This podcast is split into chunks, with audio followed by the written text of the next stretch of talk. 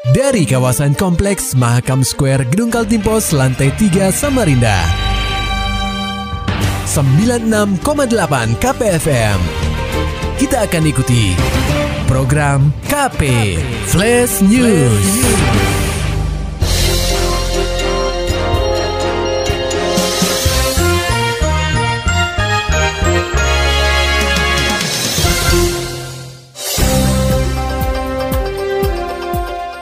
Berita Utama Pendengar KP ribuan alumni dan guru SMP Negeri 1 Samarinda atau Spansa sepakat mendeklarasikan nama Taman Samarinda untuk dirubah namanya menjadi Taman Pemuda.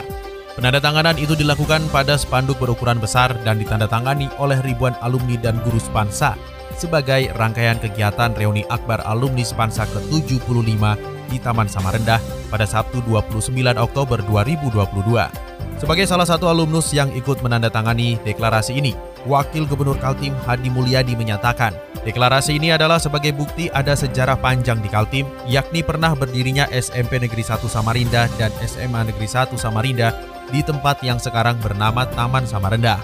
Selain dua sekolah itu, di sini juga pernah berdiri lapangan pemuda sebagai pusat dari kegiatan masyarakat maupun pemuda di kota tepian.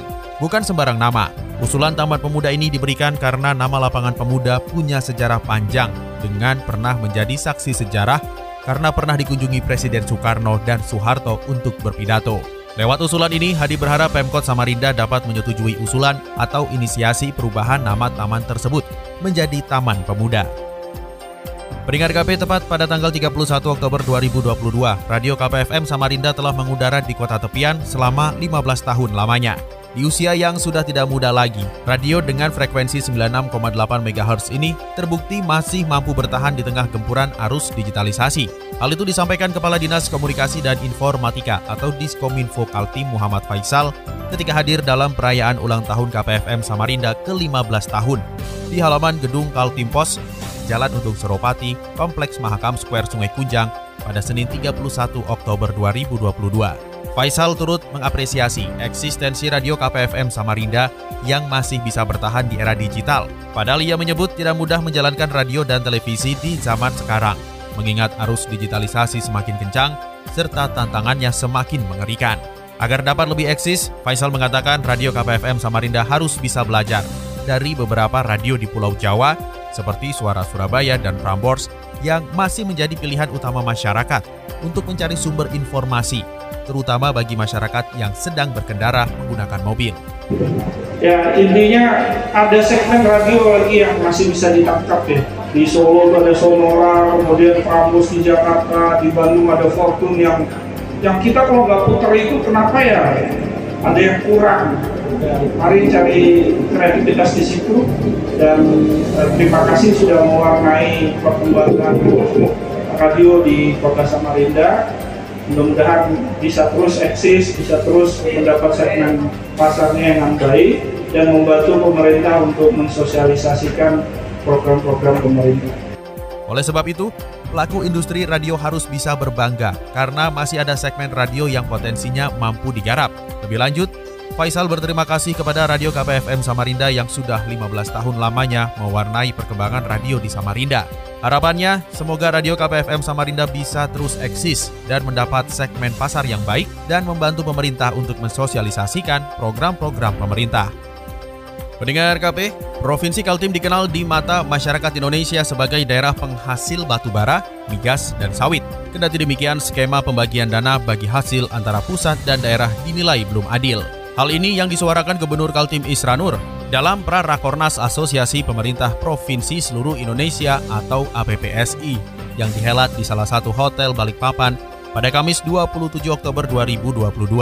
Isran yang baru saja dikukuhkan sebagai ketua APPSI mengatakan daerah membutuhkan porsi yang lebih sepadan sehingga daerah penghasil mempunyai kapasitas keuangan yang baik. Salah satu hal yang jadi usulan Gubernur Isranur adalah pengelolaan APBN yang diperuntukkan untuk pusat sebanyak 30 persen sementara daerah mengelola 70% anggaran itu. Isran optimis apabila usulan tersebut dilaksanakan, maka daerah akan memiliki kapasitas keuangan yang baik guna melaksanakan pembangunan, sehingga tidak terjadi ketimpangan pembangunan. Terlebih, kontribusi daerah dalam hal penerimaan negara cukup besar. Orang nomor satu di Kaltim itu mencontohkan negara Tiongkok yang memiliki kebijakan pembagian keuangan negara yang lebih besar ke daerah-daerah sehingga 70%. Kebijakan itu menurut Isran berdampak pada pembangunan di daerah sehingga tidak tertinggal dari pusat negara. Di lokasi yang sama, Ketua Dewan Pakar APPSI, Rias Rashid mengatakan salah satu basis penyelenggaraan pemerintahan yaitu kewenangan. Jika suatu daerah tidak mempunyai kewenangan, daerah tidak memiliki kreativitas dalam membangun. Menurut mantan menteri di era Kabinet Persatuan Nasional itu, aturan kewenangan merupakan inti dari suatu proses distribusi dan alokasi kekuasaan yang disebut otonomi daerah. Rias Rashid mengakui selama ini otonomi terkesan jalan di tempat bahkan mundur oleh sebab itu, pemulihan ekonomi harus dibahas berdasarkan kewenangan dalam pengelolaan sumber-sumber keuangan. Pendengar KP, semangat menjaga persatuan dan kedaulatan negara terus disampaikan Wakil Gubernur Kaltim Hadi Mulyadi di kalangan pemuda, termasuk pelajar. Demikian yang diutarakan Hadi Mulyadi saat menghadiri sekaligus menutup Festival Pelajar Nusantara 2022 di halaman kantor RRI Samarinda, Jalan M. Yamin Samarinda pada Jumat 28 Oktober 2022. Orang nomor dua di Kaltim itu menyampaikan apresiasi kepada jajaran RRI yang memberi ruang kreativitas bagi pelajar benua etam. Hadi mengungkapkan para pelajar harus memiliki semangat bekerja keras, bekerja tulus ikhlas, membangun kerjasama, serta mencintai pekerjaan termasuk tidak bosan belajar, diiringi doa untuk meraih cita-cita masa depan dan kesuksesan kelak. Menurut mantan legislator Karangpaci dan Senayan itu, semangat para pemuda di kala sebelum kemerdekaan yang tertuang dalam peristiwa Sumpah Pemuda telah mewujudkan kemerdekaan bangsa. Diinformasikan, Festival Pelajar Nusantara ini merupakan event nasional yang serentak dilaksanakan bahkan melibatkan 1.200 pelajar SMA, SMK, dan SMP dari Samarinda dan Balikpapan. Selain lomba baca berita, panduan suara, pidato bahasa Inggris, vlog reportase, serta webinar dan parade, juga disediakan 15 stand menjual produk UMKM serta stand pelajar SMA SMK sekota Samarinda. Pendengar KP, Asisten Administrasi Umum Setdaprov Riza Indrariyadi mengatakan, pegawai negeri sipil atau PNS mesti disiplin, terutama dalam tiga hal yaitu dalam bentuk lisan, tulisan, dan perbuatan yang tidak menaati kewajiban. Hal ini disampaikannya dalam sosialisasi PP nomor 94 tahun 2021 tentang disiplin pegawai negeri sipil di Balikpapan, Senin 31 Oktober 2022. Kegiatan tersebut digelar bagian perencanaan dan kepegawaian Biro Administrasi Pimpinan Setda Provinsi Kaltim. Riza berharap seluruh PNS Pemprov Kaltim agar selalu berhati-hati dalam berperilaku dalam kegiatan sehari-hari, baik dalam lingkungan pekerjaan maupun di luar pekerjaan. Riza menyebut setiap PNS sangat perlu menjaga tutur kata, tulisan dan perbuatan dalam kesehariannya, termasuk melalui penggunaan media sosial di dunia maya. Terutama sikap kepada atasan langsung PNS agar dapat menindaklanjuti amanah dari PP nomor 94 tahun 2021 ini, terutama ketika mengetahui atau mendapat informasi terhadap dugaan pelanggaran disiplin oleh bawahannya. Sementara itu, Kepala Biro Adpim Set Davrov Kaltim Syarifah Alawiyah melaporkan sosialisasi ini diikuti 35 orang peserta, terdiri dari Kepala Biro, Kabak, dan bagian tata usaha, pengelola kepegawaian pada Biro-Biro Sekretariat Daerah Provinsi Kaltim. Sesaat lagi kita akan simak Parlamentaria DPRD Kaltim persembahan dari 968 KPFM Samarinda.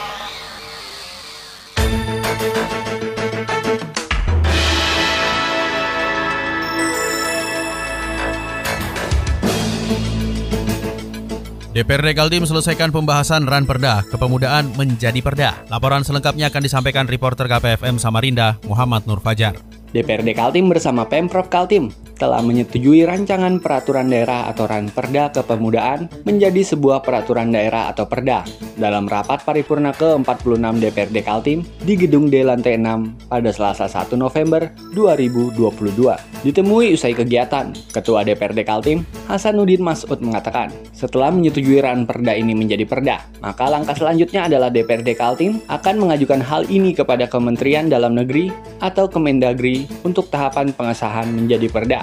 Selanjutnya, politisi Partai Golkar ini akan berkoordinasi dengan Pemprov Kaltim untuk menerbitkan peraturan gubernur atau pergub yang mengatur tentang kepemudaan.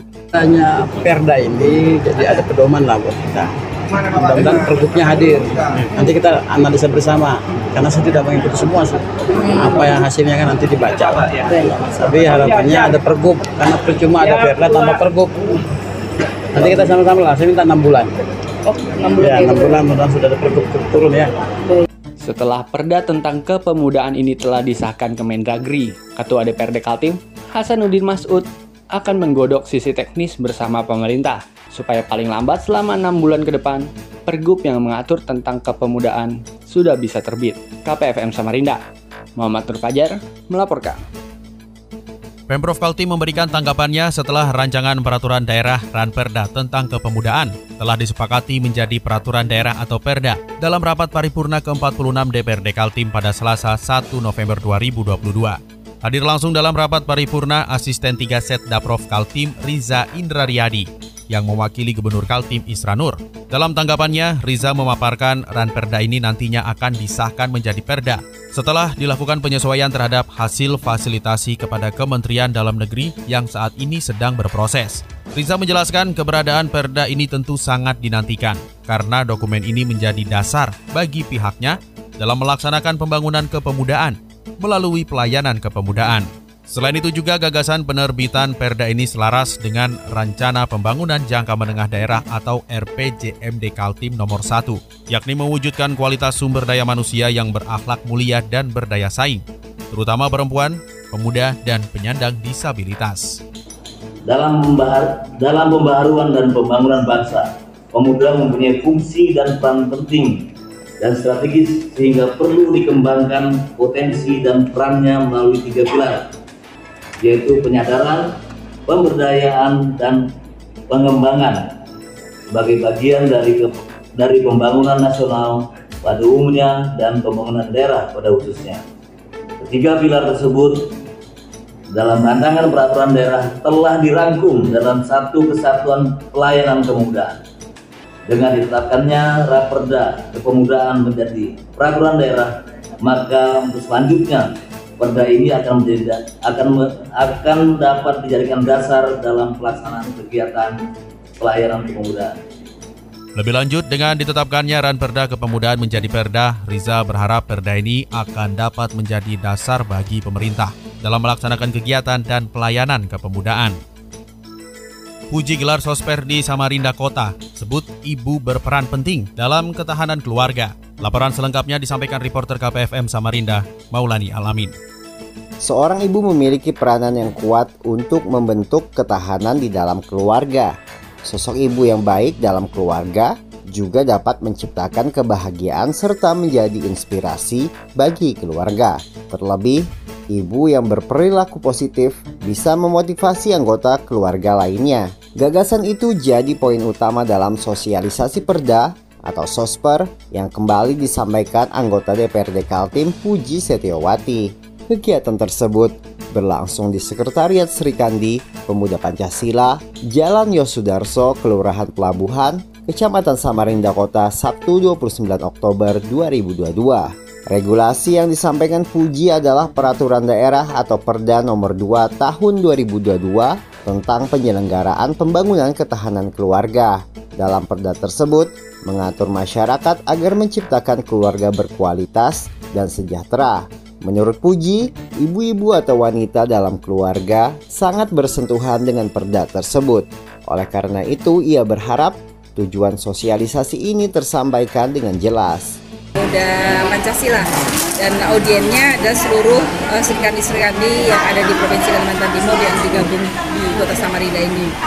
Harapan kita dengan peraturan daerah kita sosialisasikan mereka, mereka adalah ibu-ibu uh, potensial yang bersentuhan langsung dengan peraturan daerah ini. Oleh karena itu diharapkan bahwa apa yang menjadi tujuan daripada perda itu dibentuk yaitu untuk memperkuat ketahanan keluarga di dalam rangka mewujudkan keluarga yang sejahtera. Sejahtera dalam artian tidak hanya sejahtera secara ekonomi tetapi juga kesehatan, pendidikan, lingkungan, kemudian uh, sosial budaya tentunya ya. Puji yang juga tercatat sebagai Wakil Ketua Komisi 4 DPRD Kaltim itu juga menginginkan perda ini bisa menggerakkan ibu-ibu untuk menghantarkan nilai-nilai positif bagi keluarganya. KPFM Samarinda, Maulani Al-Amin, melaporkan.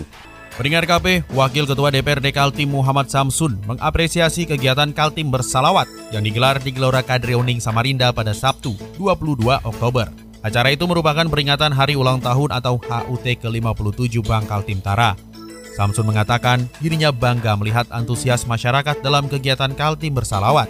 Menurut Samsun, Antusias masyarakat yang mengikuti acara Kaltim bersalawat cukup besar, pun merupakan wujud dukungan terhadap pembangunan di Kaltim agar semakin baik yang disampaikan melalui doa-doa. Selain itu, politisi PDIP itu berharap agar di usia yang ke-57 tahun ini, Bank Kaltim Tara semakin sukses, serta menjadi kebanggaan bagi seluruh masyarakat Kaltim. Terima kasih. Baru saja kita simak Parlamentaria DPRD Kaltim. Persembahan 968 KKPFM Samarinda. Maulani Alamin, Muhammad Nur Fajar, KPFM Samarinda. Serta dapatkan berita-berita selengkapnya di www.968kpfm.co.id. Demikian tadi telah kita simak rangkaian berita-berita yang terangkum dalam program KP Flash News. Persembahan dari 96,8 KPFM. Terima kasih dan sampai jumpa.